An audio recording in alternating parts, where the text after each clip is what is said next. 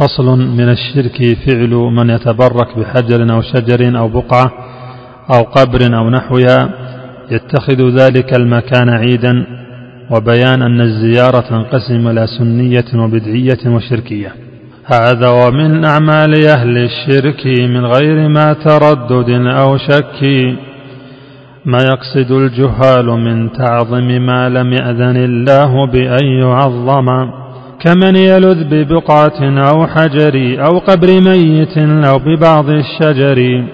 متخذا لذلك المكان عيدا كفعل عابد الأوثان ثم الزيارة على أقسام ثلاثة يا أمة الإسلام.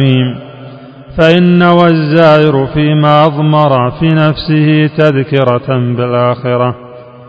ثم الدعاء له وللأموات بالعفو والصفح عن الزلات ولم يكن شد الرحال نحوها ولم يقل هجرا كقول السفهاء.